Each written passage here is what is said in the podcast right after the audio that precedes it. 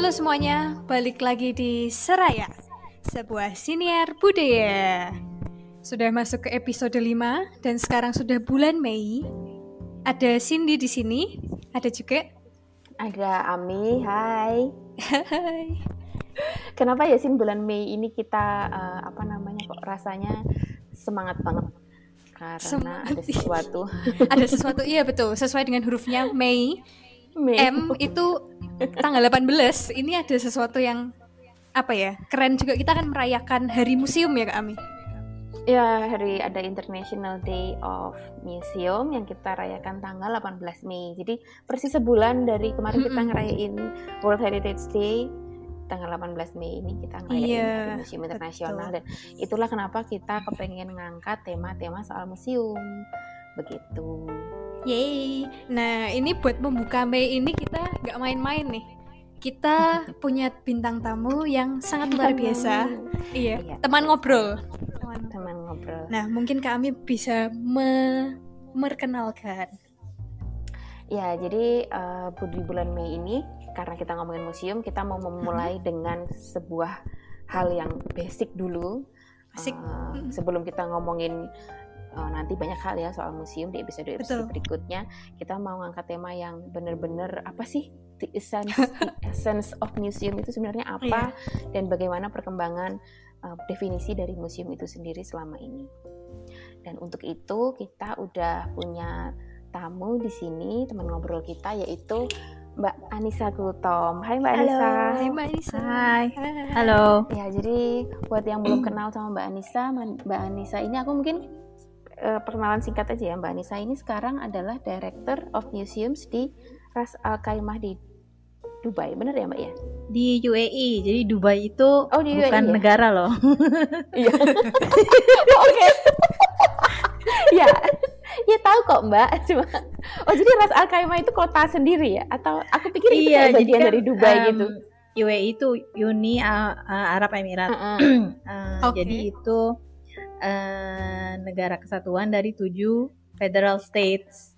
Dubai Oh. itu salah satu federal state. Ras Al Khaimah juga gitu. Ah, oke, Oh, oke. gitu. Mm-mm. Iya. Jadi Dubai itu bukan negara. iya. Tapi aku pikir kayak Ras Al Khaimah itu kayak sebuah kecamatan di Dubai. oh enggak ya? Itu federal state yang berbeda. Enggak sih, enggak kecamatan banget. Cuma ya kalau dibandingin macam eh, kalau Dubai itu Surabaya, Rasa Hmm. Khaimah tuh apa ya? Malang gitu atau Ngawi Malang. gitu. Oh, ya. Oh, kayak Semarang sama Ungaran gitu ya, Mbak? Nah, gitulah gitu. Ah, betul sip. Itulah Mantap. kenapa. Oke, oke, oke. Jadi eh, untuk awalnya mungkin bisa Mbak Nisa bisa kenalan sedikit tentang latar belakang Mbak Nisa, kenapa kok bisa sampai di sana? Sebelum kita masuk ke pertanyaan. Betul. Jadi pahlawan devisa budaya Wis. di Timur Tengah. Diaspora Um, Indonesia. Eh, latar belakang pendidikan aku eh, satu arkeo arkeologi Mhm. di Universitas Indonesia Eh, Wah. terus eh, dapat kesempatan terusin S2 di program Museum Communication di Amerika Eh, pertama kali eh, sebenarnya gimana ya agak-agak kayak dijeblosin gitu ke dunia permusiuman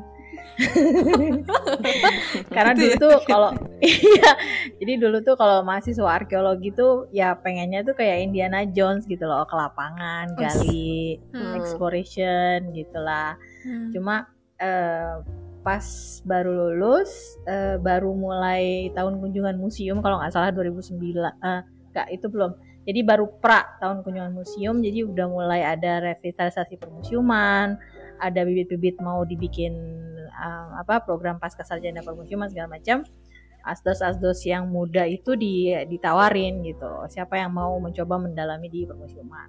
Nah jadi eh, abis lulus eh, membagi waktu antara di kampus di jadi asdos sama eh, magang di museum nasional gitu di museum Oh, nasional iya, terus iya. sempat terlibat pertama kali bikin pameran itu jadi Iya. asisten kurator itu 2006 di Museum Sejarah Jakarta gitu Hmm. Eh, terus ada beberapa pameran yang lain kemudian uh, seiringan waktu dua tahun uh, dapat beasiswa untuk museum communication ke Amerika.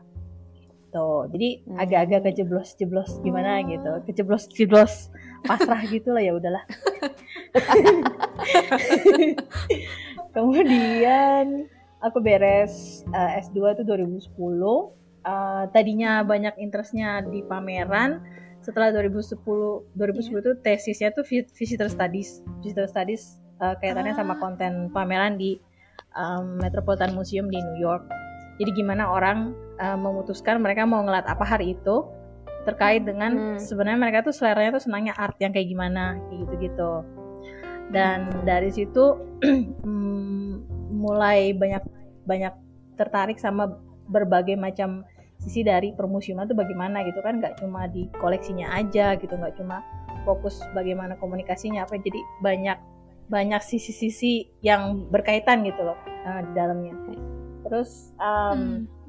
waktu mulai banyak uh, project museum master plan di Indonesia Ya.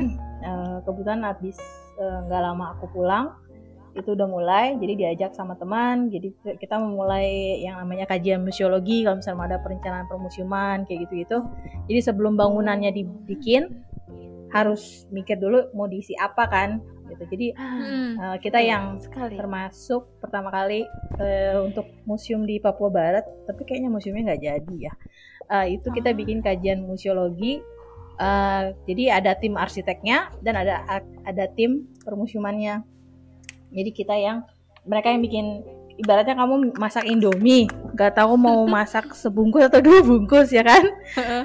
Iya. tim arsitek itu sebelum milih ma- mau pakai mangkok yang mana nungguin kita dulu gitu loh. Kita mau masaknya berapa bungkus gitu.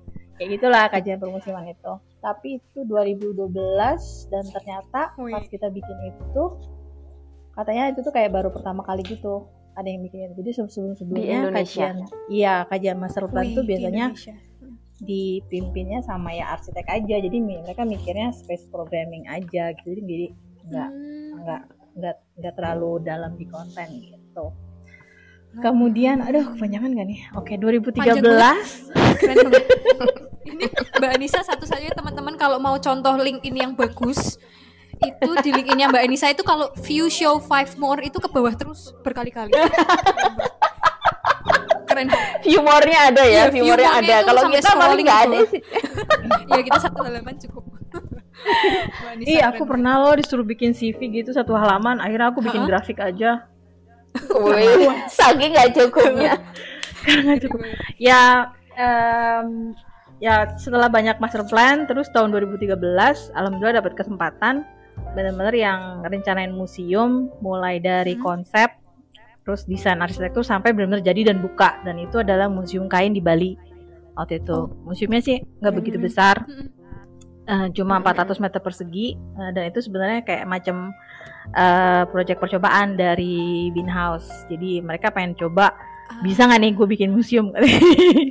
Gitu. Oh, keren, dari- keren. iya. Penthouse. almarhum foundernya dulu dia backgroundnya memang arkeologi UI sama antrop. Jadi eh, ini banget gitu dapat banget kemudian nggak lama dari situ banyak di research ada kita mulai yang namanya museologi museology evaluation kayak museology system evaluation jadi kayak misalnya ini museum nih ini kenapa museum ini nggak bermanfaat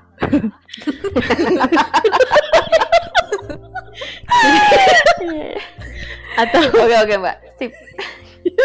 atau kenapa museum ini kok kayaknya eh, ngapain sih ada di sini gitu. Em, Gitu. Jadi ada beberapa eh, research waktu itu eh, kita bikin di Jakarta sama di Aceh, lumayan menarik sih. Eh, kemudian sebelum aku pindah ke UAE di 2017 sampai 2018 sempat eh, apa kerja di tiga tempat yang berbeda Museum Sejarah Jakarta untuk pameran tem- eh, permanen yang baru kemudian Museum Bank Indonesia itu eh, paruh waktu sih em, jadi konsultan untuk kuratorial mereka sama Jakarta Biennale untuk 2018 gitu habis itu Hmm. capek Terus ada tawaran kerja di Dubai. Jadi aku uh, sebelum keras Hema aku kerja di Dubai di perusahaan uh, di museum desain gitu um, dari Kanada uh, dan uh. kurang lebih aku di situ berapa bulan ya? 8 bulanan gitu. Uh, aku bagian kuratorial untuk pameran di museum kepresidenannya UAE. Terus oh. ada beberapa museum di Abu Dhabi, satu museum di Dubai, sama di Addis Ababa, Ethiopia gitu. Wow. Wow. Ini saya dari bawah ke atas. Mbak Nisa keren Lagi buka LinkedIn juga. Gitu. merasa terumat. Terima kasih ya Mbak Nisa. Mau datang di Seraya. Ya, uh, udah bersedia untuk direcokin.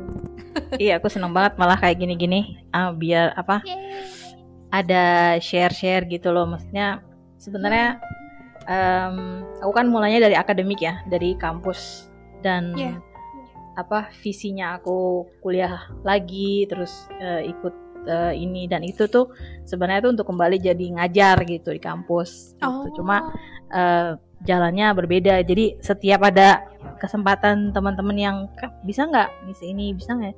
Aku tuh malah seneng banget karena memang eh visi pensiunnya nantinya pengennya di balik ke pendidikan gitu. Wih keren. Oh dan balik ke Indonesia atau enggak mbak? Maksudnya bisa di mana aja?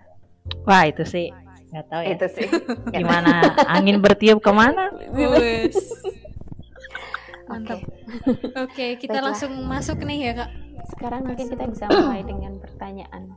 Iya. Oke. Okay. Ini Mbak Nisa sebagai seorang yang awam, wes. Cindy mau bertanya nih, Mbak. Untuk memulai, apa sih sebenarnya definisi museum? Oke. Okay. Basic banget ya tuh maaf. Museum kalau di uh, textbook Indonesia pasti yeah. mereka mulai dengan uh, definisi tekstual ya kan. Hmm. Kayak yeah. arkeologi, arkeo artinya apa, logi artinya hmm. apa gitu kan. Ah. Museologi, muse artinya apa, logi artinya apa. Hmm. Uh, museum itu ya kurang lebih akar katanya itu dari muse, M U S E yang artinya hmm. uh, inspirasi kan. Jadi hmm. pada intinya gimana museum itu menjadi tempat inspirasi dan tempat inspirasi itu ya nggak harus selalu ada koleksi bisa jadi ada koleksi bisa jadi cuma koleksinya cuma ide atau instalasi gitu intinya adalah tujuannya gimana biasa tempat itu menjadi tempat inspirasi jadi kita ke sana itu tempat kita ber uh, apa ya tempat kita Meng ber berhubungan oh, berhubungan berhubungan dengan apa ya uh, alam pikir sendiri gitu loh atau oh, mencoba men okay. mencari inspirasi dari eh, pengetahuan-pengetahuan uh, yang ada dari sebelumnya. Ah, gitu. berarti okay. mengapa ada museum atau mengapa didirikan gunanya itu untuk menginspirasi? Katanya begitu. ini yang benar. Tapi Mbak, ini adalah pot, ini adalah episode paling cekikian selama ini. Mbak, tapi eh tadi kan Mbak Nisa bilang nggak harus ada koleksi. Sementara selama ini kan kalau misalnya aku paling nggak yang aku dengar di Semarang ya kalau misalnya yeah. ada orang mau pengen bikin museum itu uh -huh. tuh pasti karena berangkat dari Mbak aku itu punya koleksi koleksi telepon dari zaman kolonial. Atau Mbak aku tuh punya koleksi apa ya piring keramik kayak gitu. Makanya aku pengen bikin museum. Itu nggak not necessarily harus seperti itu ya mbak ya. Dan jangan-jangan barang-barang itu sebenarnya nggak ada value-nya gitu waduh. Yeah. waduh. Waduh. Sebenarnya sebenarnya ya kan buat yang kamu jangan sadis gitulah. Iya. Yang yang buat yang ngumpulinnya kan pasti ngeliatnya pasti ada value. Iya. Iya. Ah, oke oke. Okay, okay. cuma begini oh. secara konvensional memang museum uh, sejarah institusinya mulainya kan dari Cabinet of Curiosity ya kan? Ya yeah. dari para ilmuwan yang ngumpulin referensi atau para explorer para penjelajah yang mereka ngumpulin souvenir gitu sama aja hmm. kayak kayak kita kalau ada yang hobi ngumpulin magnet kulkas dari museum misalkan Iya. kan ada kan kayak gitu kan jadi mungkin memang kita emang nggak jauh-jauh dari itu loh tahu nggak burung yang suka ngumpulin barang aneh-aneh ke sarangnya tuh Iya, oh, iya. iya, Nah, iya. jadi ada nilai-nilai sentimental yang kita rasakan yang mungkin orang lain juga orang lain tidak bisa melihat value itu gitu. Nah, eh, saat kumpulan koleksi itu bisa mem- bisa diperlihatkan eh, relevansi dan value-nya ke orang, baru itu bisa menjadi suatu institusi museum Hmm. gitu. Oke. Jadi yang Kayak- penting itu mungkin di storytelling atau narasinya gitu ya, Mbak ya? Narasi. eh representasi sih. Jadi Oh, kalau na- narasi kan bagian dari representasinya. Jadi kan Hmm. gimana naroknya, gimana natanya, mulainya dari mana gitu kan. Oh, Nara- narasi itu Oke. eh, bagian dari dari representasinya gitu. Jadi mm-mm. Oke. kadang cerita itu penting buat sebagian dari pengunjung. Kadang ada pengunjung yang nggak peduli sama ceritanya tapi fokus sama objeknya, Ah, gitu. Iya kan? Iya, iya, iya. iya betul betul. Hmm. Iya sih, kadang-kadang aku juga ngerasain ada beberapa kalau pas ke museum ada beberapa Hmm. objek yang aku memang kayak pengen tahu ceritanya, tapi kadang-kadang ada juga yang kayak ya memang pengen fokus aja ngeliatin kayak ini apa sih gitu, nggak tanpa Mengagumi, narasi, mengagumi. Kayak burung. Ya oke oke. Kayak bu- Oh iya, lihat yang bersinar bersinar itu kumpulin iya sih betul juga sih. Iya iya. Iya, iya. Oke oke. Terus kalau eh, apa mengenai perkembangan museum nih Mbak dari dari dulu sampai sekarang kan tadi Mbak Nisa cerita kan mulainya dari Cabinet of Curiosity itu orang-orang yang pada punya benda apa sih benda apa sih gitu. Nah sebenarnya kalau dari dulu sampai sekarang tuh ada nggak sih perubahan? Jadi kalau dulunya orang-orang memang benar-benar hanya cuma collecting kayak gitu, apakah Mm. sekarang ada Hmm. approach yang beda? ya pasti ada sepanjang eh, perkembangan institusi museum dari mulainya kan masa kolonial ya. Eh, sampai ke sekarang tuh pasti ada. Jadi eh, kalau nggak salah museum pertama itu di Marseille kalau yang di Prancis Mhm. kemudian yang di Inggris aku lupa yang mana. Tapi dua-duanya itu koleksi yang berada di istana. Jadi di salah satu palace. Jadi fokusnya adalah tempat itu punya koleksi setelah dia eh, sorry tempat itu punya koleksi kemudian menjadi museum setelah dia me- eh, memberikan public access Hmm. oke Oh. jadi ada public access di situ untuk ke Hmm. seni kemudian kalau yang koleksinya scientific atau kayak bio- koleksi biologi segala macam itu banyak kepake misalnya untuk pengembangan eh, pengetahuan ya kan Hmm. kita kan butuh banget banyak eh, kayak misalkan evolution studies saja Hmm. itu tuh beranjaknya dari perbandingan bentuk eh, fisiologi dari ha- hewan kan Iya. jadi Mhm. eh, para para ilmuwan harus mengumpulkan eh, referensi yang begitu banyak gitu di situ dia jadi membuat koleksi dan nanti, eh, kemudian jadi museum ini yang kita lihat ada di eh, zoologi museum kayaknya ada ya di di Bogor ya kalau nggak salah Iya. Hmm. terus di masa kolonial eh, museum ini koleksi-koleksi yang dikumpulin sama antropolog dan arkeolog yang dikirim sama pemerintah kolonial eh, punya fungsi lain itu fungsinya sebagai tanda kalau mereka itu eh, conquered. Ah, apa sih bahasa Indonesia-nya? Menaklukkan. Menaklukkan. Heeh. melakukan banyak daerah gitu loh. Hmm. jadi kalau misalnya ke Belanda ke eh, ke museum mereka di Leiden sama di Amsterdam banyak koleksi kita gitu kan.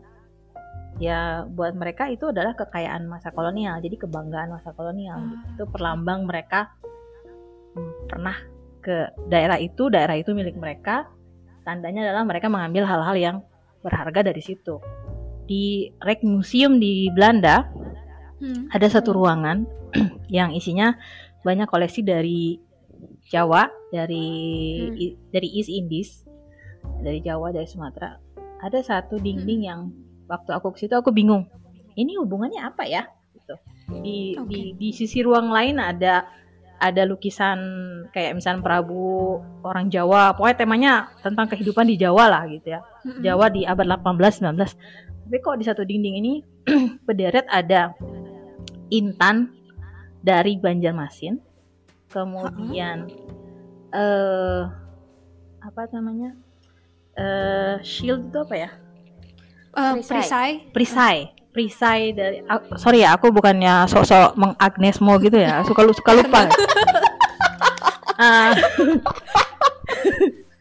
Oke. ada perisai dari Aceh terus di sebelahnya ada lukisan di Penogoro waktu dia di eh, disergap di Oh iya. mau yang mau diserahkan itu. Kemudian aku lupa satunya lagi. Yang pasti dari salah satu dari dari perang nggak ngerti Oke. gitu. Ini kenapa dari satu ruangan ini di satu dinding ini kok berderet benda-benda yang secara artis atau apanya nggak nggak nggak nggak nggak ini gitu loh nggak masuk akal. Pas dilihat bener-bener oh ini setiap barangnya hasil dari perang-perang penting di Nusantara yang dimenangkan oleh Belanda Oke. perang Aceh Oke oke oke. perang Iya. Banjarmasin perang Jawa di waktu kekalahan di Penogoro jadi di situlah sampai sekarang mereka masih menampilkan sebagai lambang dominasi mereka di masa itu gitu nah Hmm. kita juga ikut-ikutan kayaknya Oh iya. Oh iya. ya kalau maaf ya kalau ke museum nasional nih Mm-mm. banyak masterpieces dari daerah yang sebenarnya juga eh, museum daerah menginginkan untuk dikembalikan yang sama museum kita tetap di keep gitu loh di Oke. museum karena waktu itu dibawa oleh eh, peneliti Belanda kan tapi Hmm. Iya.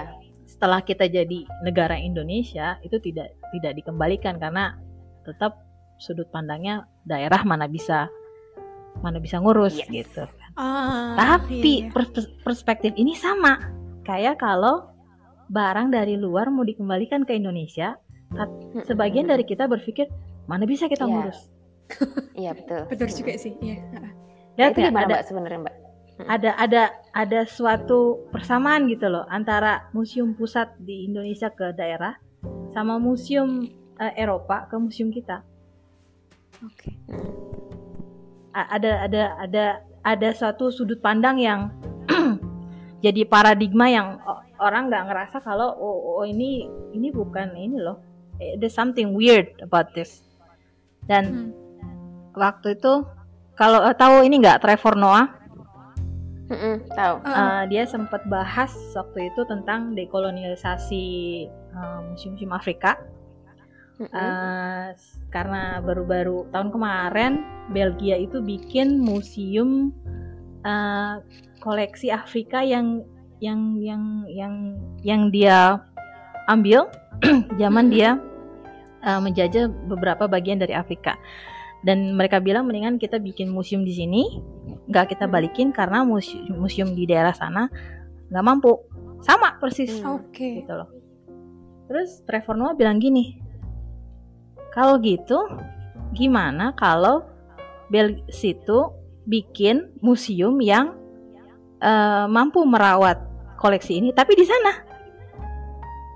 kan Oh. selama bertahun-tahun Oh, ini iya, iya, iya. koleksi yang diambil yang ditaruh di di Louvre, di British Museum, di Rijksmuseum, Iya. orang datang ke sana beli tiket untuk beli untuk lihat koleksi itu Mhm. Hmm. sekarang ibaratnya kita yang punya tapi kita nggak dapat ini Ah, oke. Dapat pemasukan Ngerti dari nggak? situ ya. Hmm, Iya, iya. Iya. Betul, betul. gitu betul, Dan- betul. Em, eh, kayaknya agak agak agak, agak melenceng ke mana-mana ya cuma Asik. aku sedikit-sedikit emosi kadang-kadang kalau topik-topik yang seperti itu Terbawa perasaan. sedikit-sedikit Eh, jadi kadang eh, secara tidak sadar itu di kita kita mengikuti sudut pandang uh, yang yang sama gitu loh. Jadi uh, terutama dari dari Jawa ke daerah lain gitu atau mungkin dari pusat ke daerah lain gitu. Selalu ada anggapan daerah lain pasti tidak mampu. Kalau tidak mampu Perasaan ya superior gitu ya. Ya, kayak gitu. Dan di masa pasca kolonial, museum ini menjadi penting di states yang dibentuk oleh uh, badan kolonial untuk membentuk suatu negara. Jadi, kalau pernah dengar yang namanya Benedict Anderson, mm-hmm. yeah. ada bukunya Imagine Communities. Komun yeah. mm-hmm. Ada bab 10 judulnya Census, Map, and Museum. Oh, ya, ingat-ingat oh. ada bab itu. Hmm. Iya, iya. Jadi itu adalah eh bahan-bahan untuk membuat negara. Ah, iya, iya, iya. Oke. Okay. Karena misalkan gini, uh, ini baru kemarin aku yang ikutin lecture uh, bagaimana Middle uh, Middle East countries, modern Middle East countries itu uh, terwujud setelah uh, setelah masa kolonial. Jadi yang bikin negara Jordan, UAE, uh, Syria apa segala macam itu bukan karena mereka memiliki kesamaan bahasa atau teritorial seperti hmm. Prancis, Jerman, hmm. Inggris atau Denmark. Mereka punya bahasa sama dalam teritorial yang yang sama gitu. Jadi mereka ada nation ya dari bangsa yeah. menjadi negara. Okay. Sedangkan hmm. kita serupa dengan negara-negara di Timur Tengah, kita ada negara dulu, baru bikin bangsa. Oh, iya iya iya. Jelas nggak? Iya iya iya. Iya iya, benar benar. Hmm. Nah, dengan bikin negara ini, bikinnya caranya dengan tadi sensus, map, dan museum. Makanya hmm. mulai itu ada perbatasan, ya kan? Perba perbatasan yeah. sampai sekarang kan selalu rusuh tuh. Indonesia yeah. Malaysia perbatasan di laut, perbatasan di darat, tapi ngomongnya sama-sama Melayu. Mm -mm. Gitu. Kemudian di museum uh, waktu Bapak negara kita Insinyur Soekarno membangun negeri ini, yang dia kumpulin hmm. itu arsitek, seniman, dan sejarawan. Oke. Okay. Sejarawan itu terutama kayak Muhammad Yamin itu yang berperan penting untuk menciptakan sebuah uh ada nggak sih kata lain dari mitos? Apa ya? Apa ya? Ya oke okay, mitos. Hmm. mitos kebangsaan itu ya. Ya itu cakep tuh mitos kebangsaan. Se okay. seakan-akan kita di da kita yang di 17.000 pulau ini dengan begitu ragam, begitu banyak ragam eh, bahasa, adat, itu kita satu bangsa, gitu. Iya. Yeah. Oke. Okay. Di situlah yeah. sejarawan dan museum itu menjadi uh, aspek yang paling penting. Nah, di situ museum menjadi alat politik. Hmm. Oke, okay. ini berarti kembali ke gunanya berubah jadi politik ya di masa Iya. Penciptaan bangsa itu tadi bangsa atau tadi. pencitraan bangsa. Iya. waduh. Waduh. Iya iya iya iya iya iya. Ya.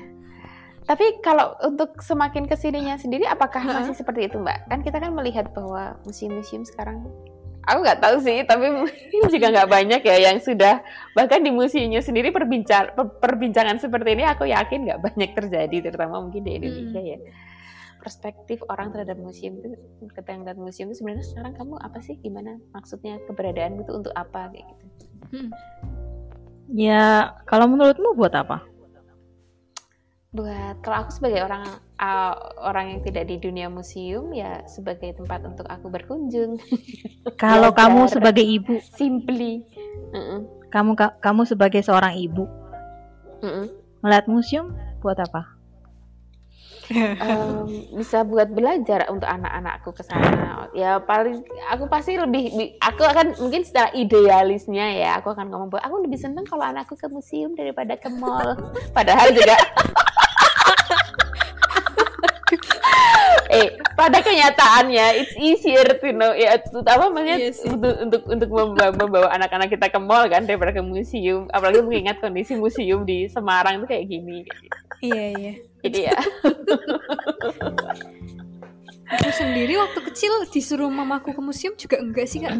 Makanya. Enggak ya? ya karena field trip sekolah gitu loh.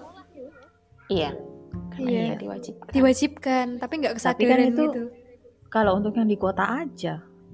Oh iya betul. ya benar Iya, aku aku eh, gede di pinggiran. Pertama kali masuk museum itu waktu jadi mahasiswa arkeologi. Wah, serius Serius? percaya sih percaya. Iya iya percaya. iya iya iya iya iya. oke oke Nah kalau di Arab sendiri sama di Indonesia beda nggak sih, Mbak Nisa? Orang-orang sana lebih suka gitu atau? Ya, di sini sukanya di mana ada AC lah. Kan panas banget tuh. Oh iya, Oke. ya ampun. Ya ini terbuka. Wah, karena agak asli. AC-nya coba Tapi- AC-nya dimatiin Tapi seriously em, eh, kan lembaga museum itu kan sebenarnya impor ya. Bikinannya Oh, orang iya. Eropa ya. Jadi Iya. baik kita orang atau orang Arab di sini juga eh, aneh sebenarnya gitu loh. Kayak Oh. misalkan eh aku ambil contoh, aku orang Batak Sunda pergi ke Hmm. museum, museum Sumatera Utara atau museum Jawa Barat gitu. Ah, aku sendiri nggak bisa merasakan koneksi dengan barang-barang dari budayaku sendiri gitu loh. Oh, oke. Mereka juga sama gitu, buat mereka aneh gitu. Ini ngapain di a- banyak sih orang yang mulai kayak collecting eh, barang-barang heritage segala macam karena Uh, Hmm. di sini kan modernisasinya kan pesat banget ya. Jadi kayak di Emirates Ras Al Khaimah ini aja kurang lebih ada lebih dari 30 museum pribadi gitu. Karena orang Hmm. mulai mulai ngelihat wah udah anak-anak muda udah mulai nggak ini nih. Jadi mereka mulai mulai mulai ngumpulin tapi mereka belum tahu mau mau diapain. Cuma konsep museum sendiri itu buat mereka tuh aneh gitu. Masih kayak Apa aneh karena karena buat harusnya kan museum tadi kan aku bilang museum tempat inspirasi ya Iya di mana betul. kita belajar dari masa lalu, dari pengetahuan yang udah ada sebelumnya segala macam. Di mereka itu ada yang namanya majelis, bukan Majelis Ulama Indonesia, bukan. Majelis Ulama Ras Al Kaimah bukan Bukan. bukan bukan bukan. Jadi tiap rumah di sini itu ada ruangan yang namanya majelis. Majelis itu Oh. tempat orang berduduk. Jadi majelis itu ar- arti literalnya itu adalah tempat orang duduk. Jadi Ruang ruangan tamu, bukan ya? Eh, bukan beda. Jadi kalau ruang tamu beda lagi. Ada yang buat laki, ada yang buat perempuan ini majelis ini. Jadi ini ruang untuk menerima orang datang eh, untuk me- membahas persoalan atau mem- misalkan membahas puisi atau mengajarkan anak muda. Jadi jadi museum mereka itu di majelis itu. Oh, buat Gitu. pamer ya jadinya kayak Jadi beyond beyond objects, beyond collection, beyond exhibition. Oh. Di situ tempat mereka mendapatkan inspirasi dengan ketemu dengan yang orang lebih Oh, tua Ya maaf, paham, paham. Gitu. Walaupun nggak ada bendanya, tapi tempat itu menjadi museum mereka karena itu adalah tempat mendapatkan inspirasi. Iya, gitu. Oh. Dan mereka juga culture-nya sebenarnya kayak kita kan. Bukan bukan culture eh, menulis gitu loh. Jadi iya lebih eh, bercerita ya ah, ah, cerita, folklore, puisi. Di sini puisi tuh eh, kompetisinya kayak kompetisi idol. Wow. wow. Kalau lagi seminar ya, Iya. sesi Q&A itu suka ada yang ngacung tiba-tiba deklamasi puisi. oh Wow. kayak berpantun gitu ya Wah, ini lebih lebih intens daripada pantun. Wah. Keren abis deh pokoknya. oke oke oke Harus ke oke. sana. oh, berarti Mbak Nisa, ini kalau kembali ke awal nih nggak apa-apa ya Kak Ami kita sedikit Yo, yo, yo. sedikit. oh nggak apa-apa nggak apa-apa Reason of existence-nya berarti ini kan awalnya dari Eropa.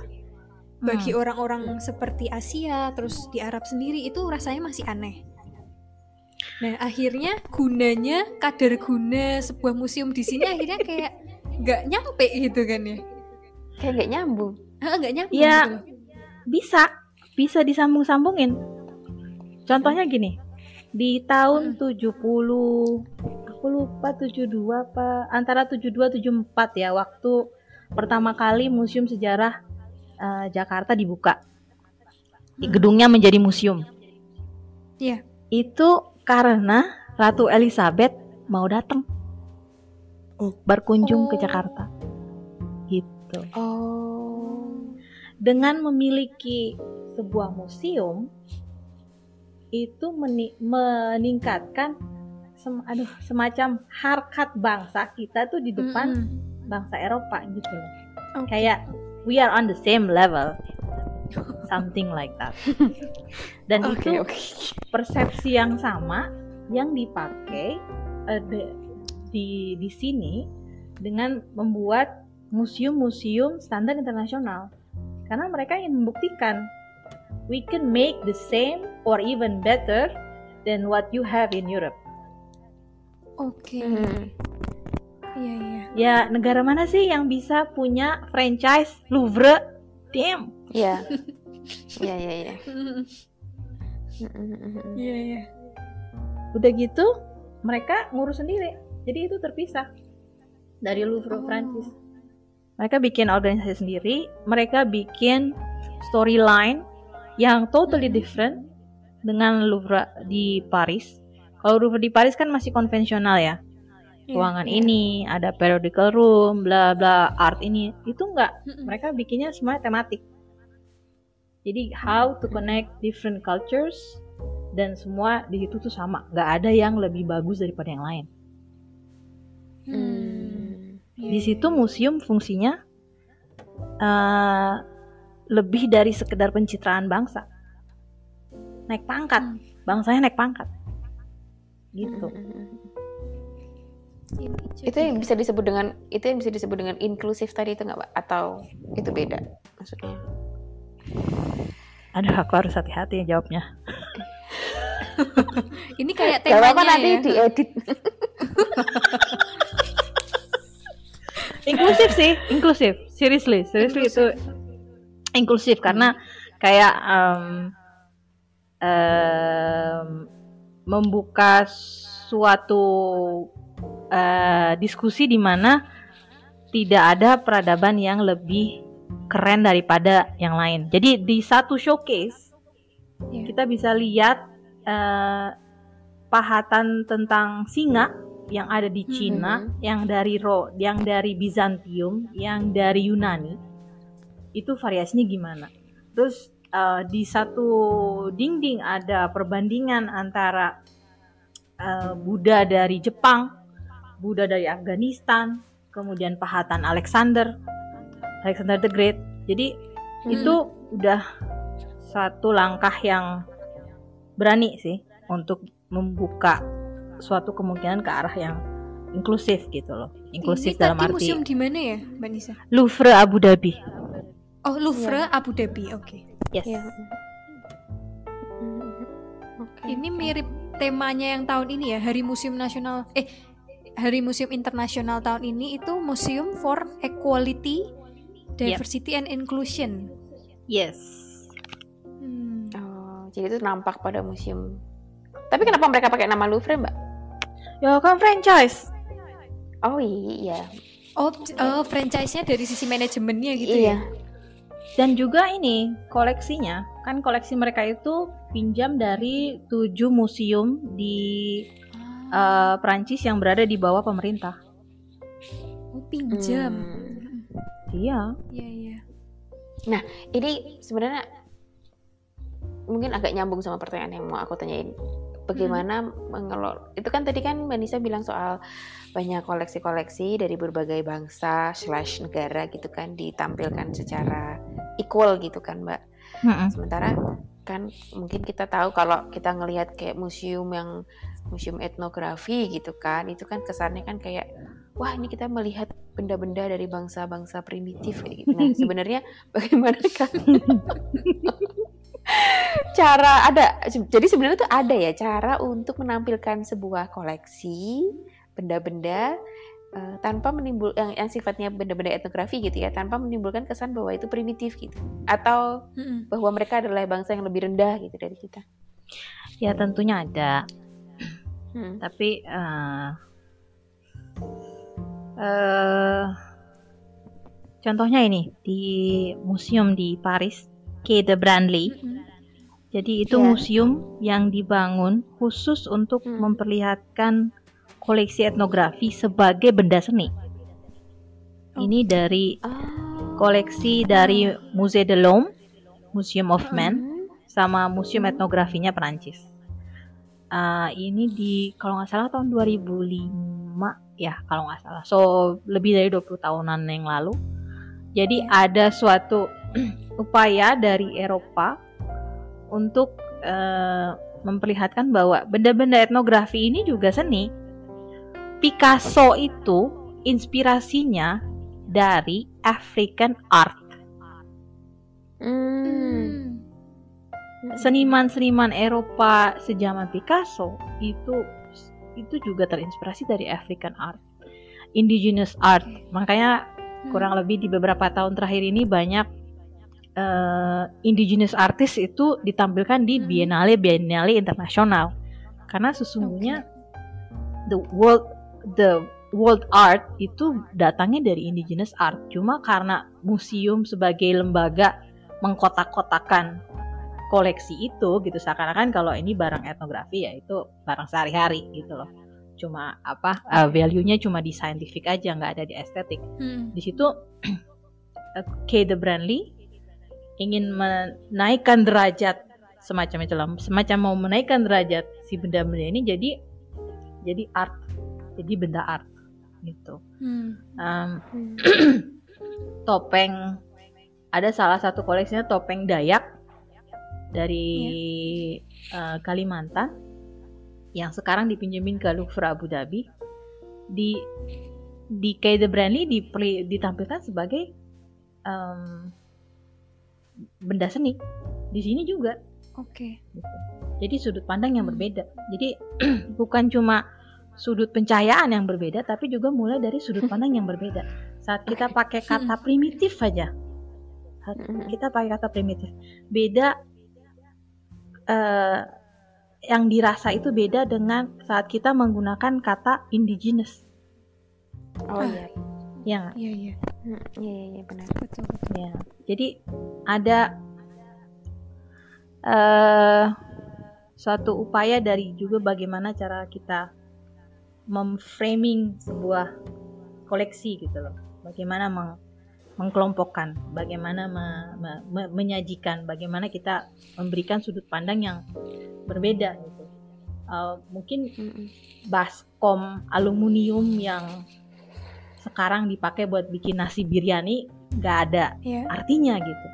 Tapi saat yeah. itu jadi bagian dari instalasi contemporary art itu nilainya jadi berbeda gitu. Oh, Oke. Okay. Okay. Ini berarti Mbak Nisa kalau boleh ngomong kayak sebagian itu tergantung tujuan representasi tadi mau apa yang mau dibawa gitu ya. Kurang lebih begitu kan segala macam tergantung niat. Iya iya betul. Diingatkan kembali iya. Jadi museum okay. itu jadi sarananya untuk menunjukkan lah niatmu apa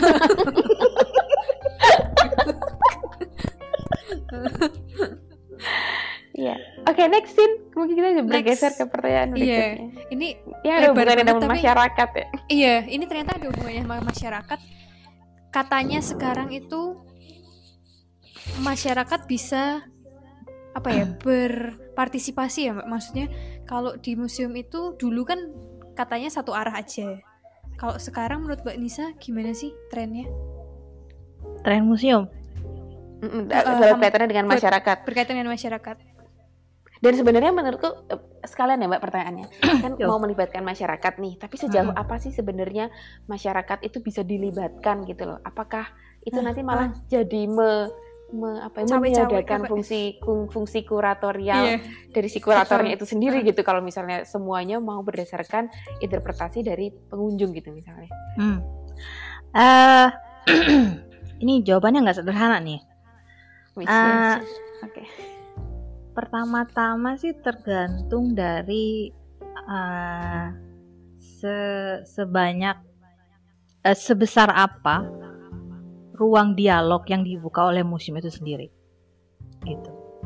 Jadi kalau Mhm. misalkan museumnya adalah museum pemerintah yang membawakan misi dari pemerintah. Jadi tadi balik lagi ke museum Oke. yang museum yang politik. Tentu mereka Mhm. tidak akan membuka gitu. Tidak akan membuka untuk ide atau misalkan ataupun kritik dari dari pihak di luar dari tim mereka gitu. Hmm.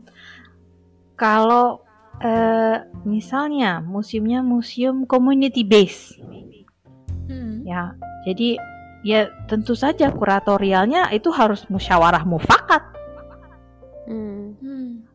Ya. Jadi karena interpretasi suatu objek itu selalu berbeda. Ya. Terkadang ada caranya kita bisa kompromi, ketemu di tengah, atau Mhm. kita bisa menampilkan interpretasi yang berbeda-beda untuk memulai dialog yang lebih besar dengan pengunjung.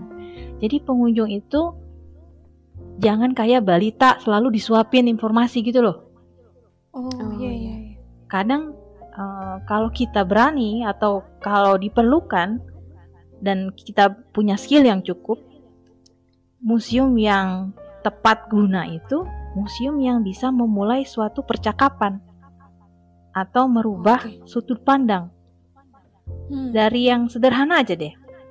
Ada satu pameran dulu beberapa tahun yang lalu di Museum Kebangkitan Nasional tentang Bung Tomo. Nah, saat aku bilang Bung Tomo, Ami mikirnya Bung Tomo yang mana? Bung Tomo yang mengacungkan tangan itu yang. Iya. Ah, oke. Cindy? Sama, yang ingetnya Sama. yang teriak-teriak itu. heeh. Kalau aku bilang Dokter Sutomo, Apa? Dokter Dokter Sutomo, tahu nggak Dokter Sutomo? Tahu. Siapa? Tapi Eh, lebih. dari kebangkitan itu kan? Iya. Iya.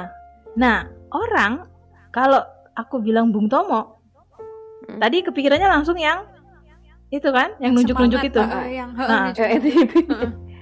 Jadi ada orang yang bingung antara Dokter Sutomo sama Bung Tomo. Bung Tomo. Oh. Nah, dari permasalahan ini, museumnya bikin pameran. Hmm. Dibikinlah bagian dari pameran itu bagaimana ah, caranya supaya Hmm. paham Membedakan. ini ada iya ngebedain ini ada di dokter yang satu lagi yang nunjuk-nunjuk Oh iya iya iya iya iya. Iya, iya. Oh, Dan- iya, iya. Mm, mm, dan pameran itu juga eh, dia bikin evaluasi pengunjung setelahnya buat nyobain ngetes nyampe nggak message-nya itu message Iya, iya. yang Oke. itu pesan yang sederhana loh buat Oh, iya. mengenali Benar, siapa pahlawan kita yang namanya mirip Iya. Iya iya iya iya. iya. tapi itu kena jadi eh, kalau tadi tren tentang audiens apa segala macam em, masih kalau di Indonesia mungkin masih agak jauh ya karena Mm, mm, mm. sebagian besar museum kita ini museum pemerintah jadi ya Oke. kalau museum pemerintah ya kuratornya pemerintah gitu. jadi Ah. eh masyarakat ya udahlah terima aja gitu tapi mau Hmm. sudah ada beberapa yang kayak Museum Kebangkitan Nasional itu sudah memulai eh, studi audiens, mencoba memahami, mencoba praktek eh, trial and error di visitor studies apa mereka udah mu- mulai mencoba gitu. Di tahun Hmm. 2014 aku sempat bantu mereka bikin audience study untuk menjawab pertanyaan kenapa orang nggak datang? Hmm. Karena mereka lokasi di Kuitang itu deket banget sama Monas, deket banget eh, bahkan ada busway stop deket situ. Itu di belakangnya Mm. Gatot Subroto yang selalu ramai orang, ya, deket sama Senen. Mm. Tapi kenapa orang nggak datang? Gitu. Ternyata Hmm. dengan mewawancarai para tetangganya atau eh, kayak pihak hospitality kayak hotel apa segala macam sekitarnya, bahkan ke rumah sakit militer juga. Terus kesimpulannya apa? Karena Hmm. jendela-jendela di depan tuh kan banyak jendela. Kan gedung-gedung lama ya, sekolah kedokteran. Mm-mm. Dulunya kan kelas-kelas gitu banyak jendela. Jendelanya tuh selalu tutup. Karena mereka pakai AC dalam. Jadi Oh. orang kira RT sebelahnya itu ngiranya itu gedung tutup. Oh, Gedungnya Iya, selalu iya, tutup. iya, iya. Karena jendelanya Oh. karena jendelanya jendela-jendela selalu tutup. Nah, kenapa jendela Iya, tutup, iya. Pak? Nah, kan kita pakai AC sekarang, kata gitu. Jadi eh, da- dari hal-hal yang sederhana seperti itu, kalau museumnya mau memperhatikan. mencoba, iya, mencoba bertanya, mencoba mendengar, gitu. Nggak harus cuma mendengar orang dengan gelar eh, doktor atau PhD, gitu, tapi Ah. mungkin tukang ojek yang yang mangkal di depan, di tetangganya ada siapa, di belakang ada siapa gitu. Eh itu mungkin bisa apa ya? Bisa membantu untuk mereka lebih eksis Iya. gitu justru. Hmm, Oke. Oh, Mbak Nisa ini pertanyaannya Cindy. Berarti melihat dunia yang sekarang sedang berubah nih, kan dinamis banget nih ya Mbak. Nah, Hmm. menurut Mbak Nisa sendiri, harusnya fungsi museum itu agar bisa tetap relevan di masyarakat itu bagaimana? Seperti tadi kan mendengarkan ya. Nah, kira-kira apakah harus merubah fungsi atau harusnya gimana sih? Gitu. Apa nggak usah ada pamerannya sekaligus eh, sekalian gitu mbak jadi maksudnya cuma apa program-program aja tematik gitu misalnya atau Atau tutup aja. Aduh, jangan jangan gitu sedih. Balik lagi ke eh, ini sih, yang tadi tujuan mereka didirikan tuh apa? oke Oke. ya Ya, jadi re- re- relevansi setiap museum itu akan akan ter, tergantung dari tujuan mereka didirikan itu untuk apa. Kayak misalkan eh, aku ngambil contoh eh, Sampurna misalnya, ya. Museum Hmm. Sampurna. Mereka tujuannya untuk dibikin didirikan untuk apa? gitu? Untuk marketing, marketing rokok. Kenapa? Eh, enggak, ini enggak marketing rokok gitu, tapi ini menceritakan sejarah tentang Sampurna dan Pendiri. industri rokok. iya Sekarang kan susah kalau mau cari iklan rokok di TV nggak boleh, ya kan? Mm-mm. Di billboard nggak boleh, ya kan? Iya. Nah, selama selama perusahaan itu membutuhkan suatu channel untuk memberikan pengetahuan pada orang value dari produk mereka, mereka akan tetap ada. Iya tapi Masih kan maksudnya Oh. ada interpretasi-interpretasi baru yang berkembang Oh ya. ah tahu sih tapi oke Cari contoh yang lain deh yang lebih adem, yang lebih adem serem. Eh, eh, yang paling mudah sih untuk em, untuk stay relevan. em, Iya. Sebenarnya tadi kan gue bilang tujuannya ya. Kemudian juga tergantung kepada target marketnya siapa, gitu. Oke. Kalau misalkan eh, tujuan dari museum itu ingin eh, terhubung dengan eh, anak muda, ya harus ada ada ada anak muda di timnya. Atau Hmm. ingin terhubung dengan mamah-mamah muda yang ke- memiliki kebutuhan untuk eh, anak-anaknya yang di bawah usia lima tahun. Spesifik tuh. Ya mereka harus Hmm. melibatkan eh, perwakilan dari stakeholder itu iya iya iya Oke. gitu. Sama ini aja- sebenarnya menjawab pertanyaan Heeh. Mm. sorry. Sebenarnya ya Iya, kayak apa, iya. standar ini aja sih marketing produk. Oke. Iya, Ya jadi sih? memang harus tahu pasar ya mbak ya maksudnya harus kenal sebenarnya ini untuk siapa dan siapa aja yang harus dilibatkan dalam apa perencanaan kayak gitu. Kurang Hmm. lebih begitu. Nah, ini lanjut. Sudah sudah menjawab pertanyaanmu Sin sebenarnya. Iya, Jadi kita itu lanjut menjawab pertanyaan sih. berikutnya yang Iya. spesifik membicarakan museum di Indonesia. Lo tadi tadi kita ngomongin museum ah? Oh iya. Tapi yang ini sangat challenging pertanyaannya, Mbak. Iya. Harus hati-hati menjawabnya. kursi panas, kursi panas. Iya, ini pertanyaannya paling panas. Gak bisa pulang deh gue. ini eh, sebenarnya apa sih tantangan terbesar bagi museum di Indonesia menurut Mbak Nisa dan melihat problematika dan perkembangan museum yang udah kita bicarakan tadi ya, termasuk bagaimana museum jadi inklusif. Apa pekerjaan rumah utama nih dari museum di Indonesia supaya bisa mencapai tujuan tersebut? Yang paling tidak first stepnya apa sih gitu? Kita nggak usah ngomong yang muluk-muluk dia bisa seperti Louvre yang di mana namanya Abu Dhabi atau gimana ya tapi hmm. apa sih PR paling pertama yang harus diselesaikan dulu tarik nafas dulu uh, sebelum menjawab aku mau kasih informasi ya berbagi pengetahuan dari mm -mm. perkembangan museologi di Indonesia mm -mm. sedikit aja jadi di tahun 1976 itu sempat ada semacam konferensi atau seminar dari museum-museum yang ada di Indonesia, museum provinsi, museum khusus, museum militer, museum pusat. Mereka kumpul, kemudian mereka membicarakan ide gimana museum-museum dengan uh, topik spesifik itu bisa di bisa mengengage masyarakat dan ide-idenya tuh brilian. Bahkan ide museum maritim itu dibahas waktu itu tahun 70 okay. Kemudian ada yang museum kehutanan yang sekarang masih ada di hmm. Kementerian Kehutanan. Di hmm. Museum Kehutanan itu sempat dibicarakan ide bagaimana konten pameran di Museum Kehutanan bisa menginspirasi masyarakat agar beri, ber, mereka paham bagaimana menjaga lingkungan dan mengurangi hmm. menebang okay. pohon. Gitu. Hmm. Tapi apakah kita pernah mendengar hal-hal ini? Ini pertama kalinya saya mendengarnya. Iya. Aku juga. di tahun 82 di tahun kelahiran aku uh, ada bapak reveal. almarhum namanya Bambang Sumadio, kepala Museum Nasional. Di dia kasih uh, sambutan pidato itu uh, pertama kalinya pembahasan tentang bagaimana museum itu harus berkomunikasi. Oke. Okay. Dan dan ide beliau itu yang dibicarakan di tahun 82 itu masih hal yang sama di waktu aku pertama kali ketemu artikel itu tahun 2000 2010 kalau nggak salah. Sorry, 2008 dua ya kan antara 2008 sampai 2010 uh, maksudnya hampir 30 tahun kemudian sejak dia mengutarakan ide itu ide itu masih ide gitu.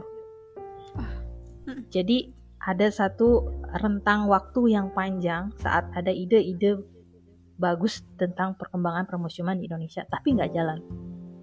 Jadi ada sesuatu yang yang mm. yang tidak reaktif gitu dan ini bikin aku patah hati. Jangan bilang ini yang membuat Mbak Nisa pindah ke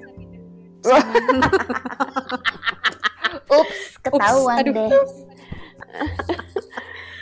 Ah, oke oke oke. Tapi itu kan zaman dulu ya, di mana kita yeah. saat orang ber, ber, ber, berbicara di satu ruang, orang lain yang tidak ada di ruang itu mungkin nggak tahu gitu. Sampai 30 tahun mm. kemudian sekarang kan ini di zamannya yang ya kita bisa tahu segala hal tuh dalam waktu hitungan detik gitu menit yeah. dan uh, pendidikan juga bisa dilakukan online dari mana aja gitu jadi aku rasa uh, eh, PR yang pertama itu balik lagi ke pendidikan sih sebenarnya hmm. pendidikan hmm. kalau misalkan kita cuma ngelihat oh di luar negeri begini bagus oh kita contoh yang yeah. dari museum ini bagus saya sudah banyak melihat museum di luar semuanya pakai begini jadi kita harus pakai begini mm. ya enggak gitu juga gitu mm. kita punya cara komunikasi berbeda kita punya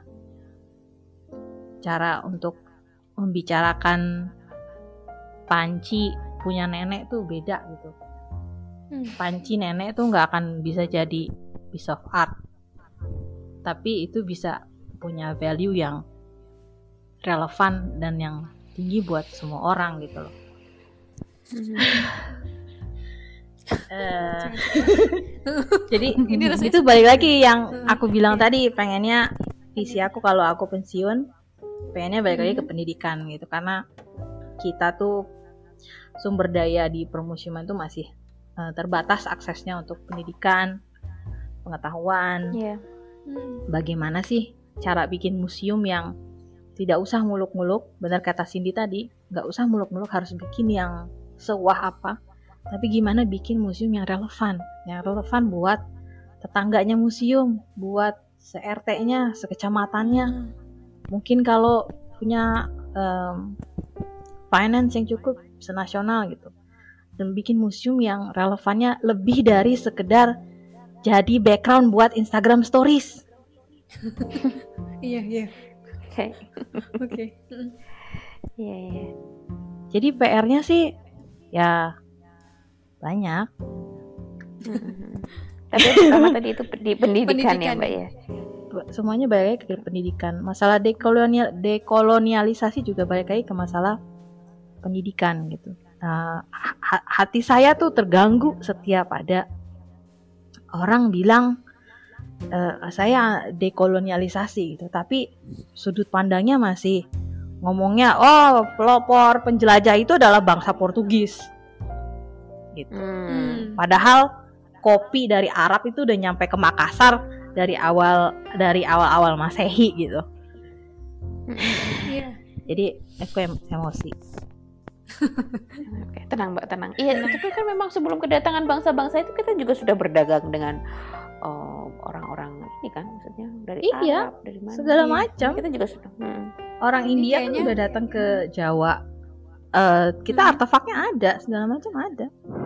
Iya, iya.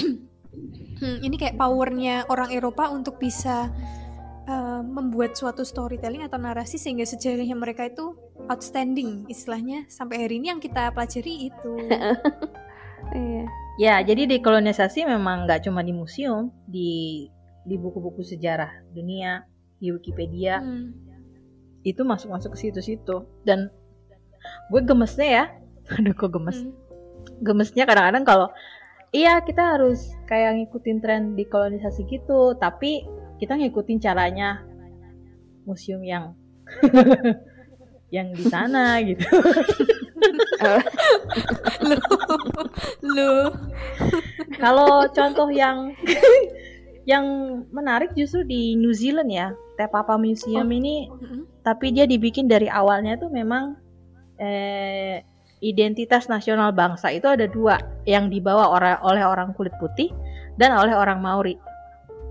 Hmm. gitu. Jadi Hmm. dari awal lahirnya itu sudah begitu. Walaupun wa- walau eh, si institusi itu dulunya sempat eh, sempat menjadi museum kolonial dengan nama Colony Museum. Hmm. Hmm. Hmm, hmm. Waduh. Wah, ini seperti ada perombakan Iya. kayak di brainwash gitu. Kayak butuh menyerapi iya. Uh-uh. Tapi aku rasa kita Keren. udah ngomongin banyak hal banget ya. Mm-mm. Cindy mungkin ada yang mau ditanyain? Ini mungkin yang belum tersampaikan ini. Tujuan Yang mana? mulia demi perkembangan pengetahuan. Yang mana sering kali kalau di Indonesia itu museum itu cuma jadi perangkat kehumasan dan pemasaran ya Mbak Nisa ya? Oh, Enggak ini mendengar dari tak banyak angin loh yang berbisik. Iya, angin yang berbisik. Kemendikbud pun bilang bahwa eh pat- Oh iya iya ya, iya. berapa kami 400, 100 atau Iya. Berapa museum itu Eh, tidak berapa memenuhi ratus apa sih? museum tidak memenuhi syarat Kemendikbud karena banyaknya masalah kayak masalah otonomi daerah, perubahan kelembagaan, tuntutan dana, data koleksi tidak akurat, pokoknya banyak gitulah. Tapi menurutku semua permasalahan itu kembali lagi baliknya ke sumber daya manusia yang kuncinya adalah di pendidikan Ah, itu enggak iya, sih? iya. maksudnya? Iya, soalnya eh, kayak misalkan alasan kita nggak ada dana apa segala macam. Kalau dana banyak tapi Hmm. kreativitasnya minim, Oke. Mm-mm. ya eh, jatuh-jatuhnya receh lagi, Iya benar. Hmm. ya nggak sih? Karena Benar, benar. pada hakikatnya lembaga museum itu di mana-mana itu always having limited budget, always having challenges untuk bikin orang datang untuk dapat untuk ngambil revenue segala macam itu itu tantangan buat museum di seluruh dunia. Oke. Jadi karena kayak misalnya stakeholdernya misalnya dari pemerintah atau dari perusahaan swasta yang punya museum itu. Buat mereka kalau misalkan mereka ada satu standar budget sampai segini tuh di, bisa dihitung pemasaran. Lebih dari angka segitu, you are burning money. Hmm. Gitu loh. Dan pemerintah juga berpikiran seperti itu. Bukan apa ya? a- aku nggak bilang sudut pandang itu salah, enggak. Jadi kayak misalnya hmm, pemerintah itu seakan-akan kayak orang tua, ya. Iya. orang tua. Anak mau kursus eh, bahasa Inggris, Hmm. Anak mau ini, itu duitnya investasinya nggak akan datang kembali lagi dengan uang kan, ya kan? Iya. Iya. hasilnya itu kan pengetahuan, skill apa segala macam. Tapi saat anak misalkan eh, aku mau eh, ada kan, aduh, gua nggak punya anak sih susah juga nyari contohnya. Misalnya anak pengen beli nin- Nintendo, Iya. pengen Iya. beli Nintendo, kenapa? Supaya aku makin banyak temen. Heeh. Buat orang tua, orang tua nggak bisa ngelihat pahamnya, kamu kan bisa main yang lain gitu. Tapi dari sudut Oke. orang anaknya gitu, misalnya dari sudut musim enggak, ini adalah cara spesifik supaya kita bisa dapat partnership, kita bisa engage sama art community, kita bisa engage sama indigenous community yang butuh duit banyak dan eh, revenue-nya itu nggak bisa langsung kelihatan dalam setahun dua tahun gitu. Ibaratnya gitu, Iya. museum itu minta dana itu ibaratnya kayak anak kecil minta Nintendo ke anak ke bapaknya. Tapi Hmm. ada gap di situ yang mana pemberi uang tadi, pemberi dana tadi tidak memahami sebenarnya maksud tujuannya Tujuan. tadi apa. Mm-mm. Betul. Oh, mm-mm. terakhir. Dan Hmm. ya Mm. terakhir Oh, gimana? Mbak Nisa lanjut dulu nggak apa? Dan ya. enggak sih, tadi cuma nambahin aja. Tadi Iya, kamu poinnya bagus banget ngomongin tentang gimana museumnya tidak bisa menjelaskan kenapa eh, itu penting gitu. Jadi Mm-mm. balik lagi kita ke sumber dayanya, pendidikannya, gimana supaya museum itu bisa memperlihatkan kenapa kita butuh duit segini. Di Amerika eh, waktu aku kuliah itu kita ada pembahasan bagaimana fundraising Oke. gitu. Bagaimana fundraising, bagaimana budgeting, apa segala macam tuh ada. Jadi nggak cuma mimpi, tapi dengan Hmm. kalkulasi. Mimpi yang berkalkulasi. Hmm, mimpi yang pertama. Jadi nggak halu gitu ya. Iya gitulah. Iya. Oke. Oh, yang terakhir Kak Ami membahas memperingati IMD 2020. 20. Dengar-dengar tahun lalu itu ada definisi baru dari museum ya Mbak Nisa. iya. Tapi belum diresmiin. tuh? Oh, belum diresmiin. Oh. Belum. Jadi ini mm, kontroversial karena kan sebelumnya kan definisi museum menurut ICOM itu kan eh, Mm-mm. bentuknya non profit, Iya. institusi permanen, melayani masyarakat, Iya. pengembangan, terbuka untuk publik. Mm-mm. Sorry. Terus f- eh, fokus kerjanya banyak untuk mengkoleksi, konservasi, meneliti, komunikasi, pameran, tangible, intangible. Gitu. Di definisi yang baru itu keywordsnya itu problematik. Apa itu? Eh, karena definisi yang baru itu kan museums are democratizing, Hmm. demokratis, inclusive, Mm-mm. and polyphonic Apa itu spaces. poliponik? Aku nggak tahu. Aku dulu nggak punya HP polyphonic. For jadi ruang yang demokratis, inklusif, dan polyphonic tuh eh, kalau nggak salah pemahamannya tuh kayak eh, nggak em, apa ya bisa connected melalui berbagai macam bahasa atau komunikasi gitu. I don't know, Hmm. honestly I don't know. Uh, for critical dialogue, untuk dialog yang kritis, nah kita nggak bisa kan. About the past and the future. Balik lagi kan, kita masih punya museum eh lubang buaya. Gitu. Jadi ada Iya. pembahasan Iya. tapi nggak nyampe ke museum. Acknowledging and addressing the conflicts and challenges of the present itu juga problematik buat banyak museum. Apalagi yang di Hmm. bawah pemerintah gitu. Eh kita hidup di negara yang untuk eh, beraspirasi itu kita harus hati-hati, ya kan? Iya. Eh, Jadi eh, sulit kalau kita membebankan ke museum untuk eh, untuk untuk menyalurkan aspirasi gitu loh. Karena ya Hmm. kita paham, kita paham kan bagaimana bahayanya kalau aspirasi kita nggak sengaja nyenggol orang. Gitu. Iya. Dan eh, salah satu keyword yang lain di situ juga ada safeguard diverse memories, equal Hmm. rights and equal access. Diverse memories ini yang juga sulit buat eh, negara-negara yang nggak cuma kita gitu banyak negara yang pemerintah memilih memori yang mana yang dikonsumsi untuk masyarakat, di mana yang tidak gitu dan Iya. dan itu eh eh, lebih jamak berlaku di mana-mana daripada yang saya sendiri perkirakan gitu loh. Paham kenapa kontroversial. Iya, Iya, iya. ya karena ya, paham kan kontroversial Iya. yang namanya kalau kita mau bikin sesuatu uh, space dengan diverse memory semua dapat akses segala macam segala macam. Itu sama aja kita bikin what? WikiLeaks? Hmm. ya kan? Nggak ada saringan nggak ada apa. Jadi Iya. ini jadi uh, su- sulit buat museum-museum di uh, baik negara yang demokratis atau non demokratis uh, untuk memenuhi syarat-syarat itu. Gitu Kalau di Indonesia nih, misal kan nggak menuin definisinya, berarti bisa jadi nggak disebut museum ya kalau misalnya definisinya berubah.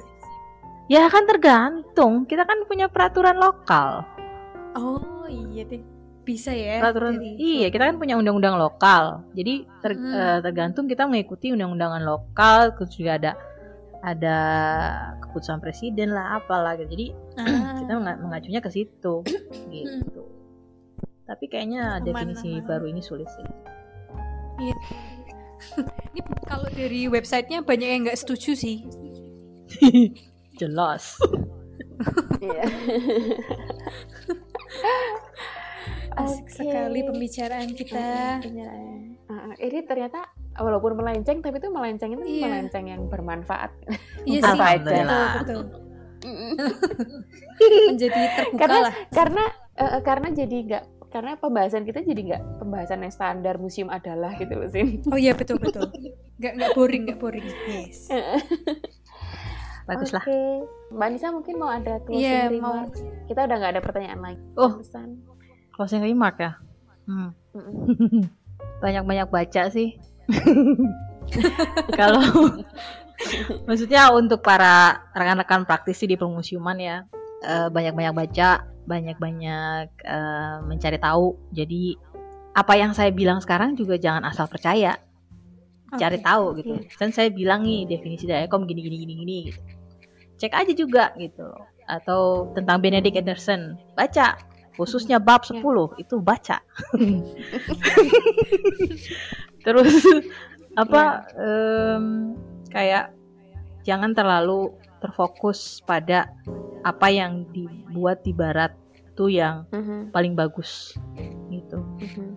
Kayak em, contohnya saya sekarang lagi mengembangkan ada satu pameran eh, tentang satu teknologi lokal di sini yang untuk bikin kayak semacam jus jus dari kurma Mhm. yang udah nggak banyak orang lakukan dan saya melibatkan orang lokal Eh, juga di pameran ruangan pameran yang terbatas di etnografi rencananya melibatkan orang lokal kemudian satu tahun itu bisa menampilkan pameran yang berbeda-beda dari kelompok eh, kelompok komunitas yang berbeda-beda dan ini saya inspirasinya dari eh, museum NTT yang Oh. beberapa beberapa tahun yang lalu Pak Leonahak itu bikin pameran eh, temporer setiap suku bisa menampilkan identitas mereka masing-masing tapi tidak dalam satu waktu yang sama. Jadi satu tahun tuh ada kayak semacam kalender event.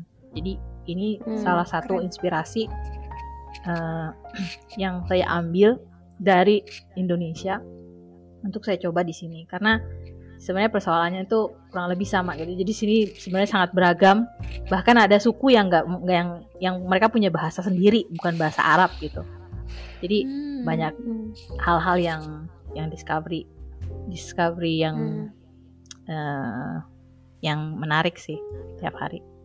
Eh, jangan terpaku pada barat. Ya, Banyak. jangan terpaku pada barat, terus banyak baca. Kalau dengar baca. kata orang ini bagus, ini enggak, ini apa?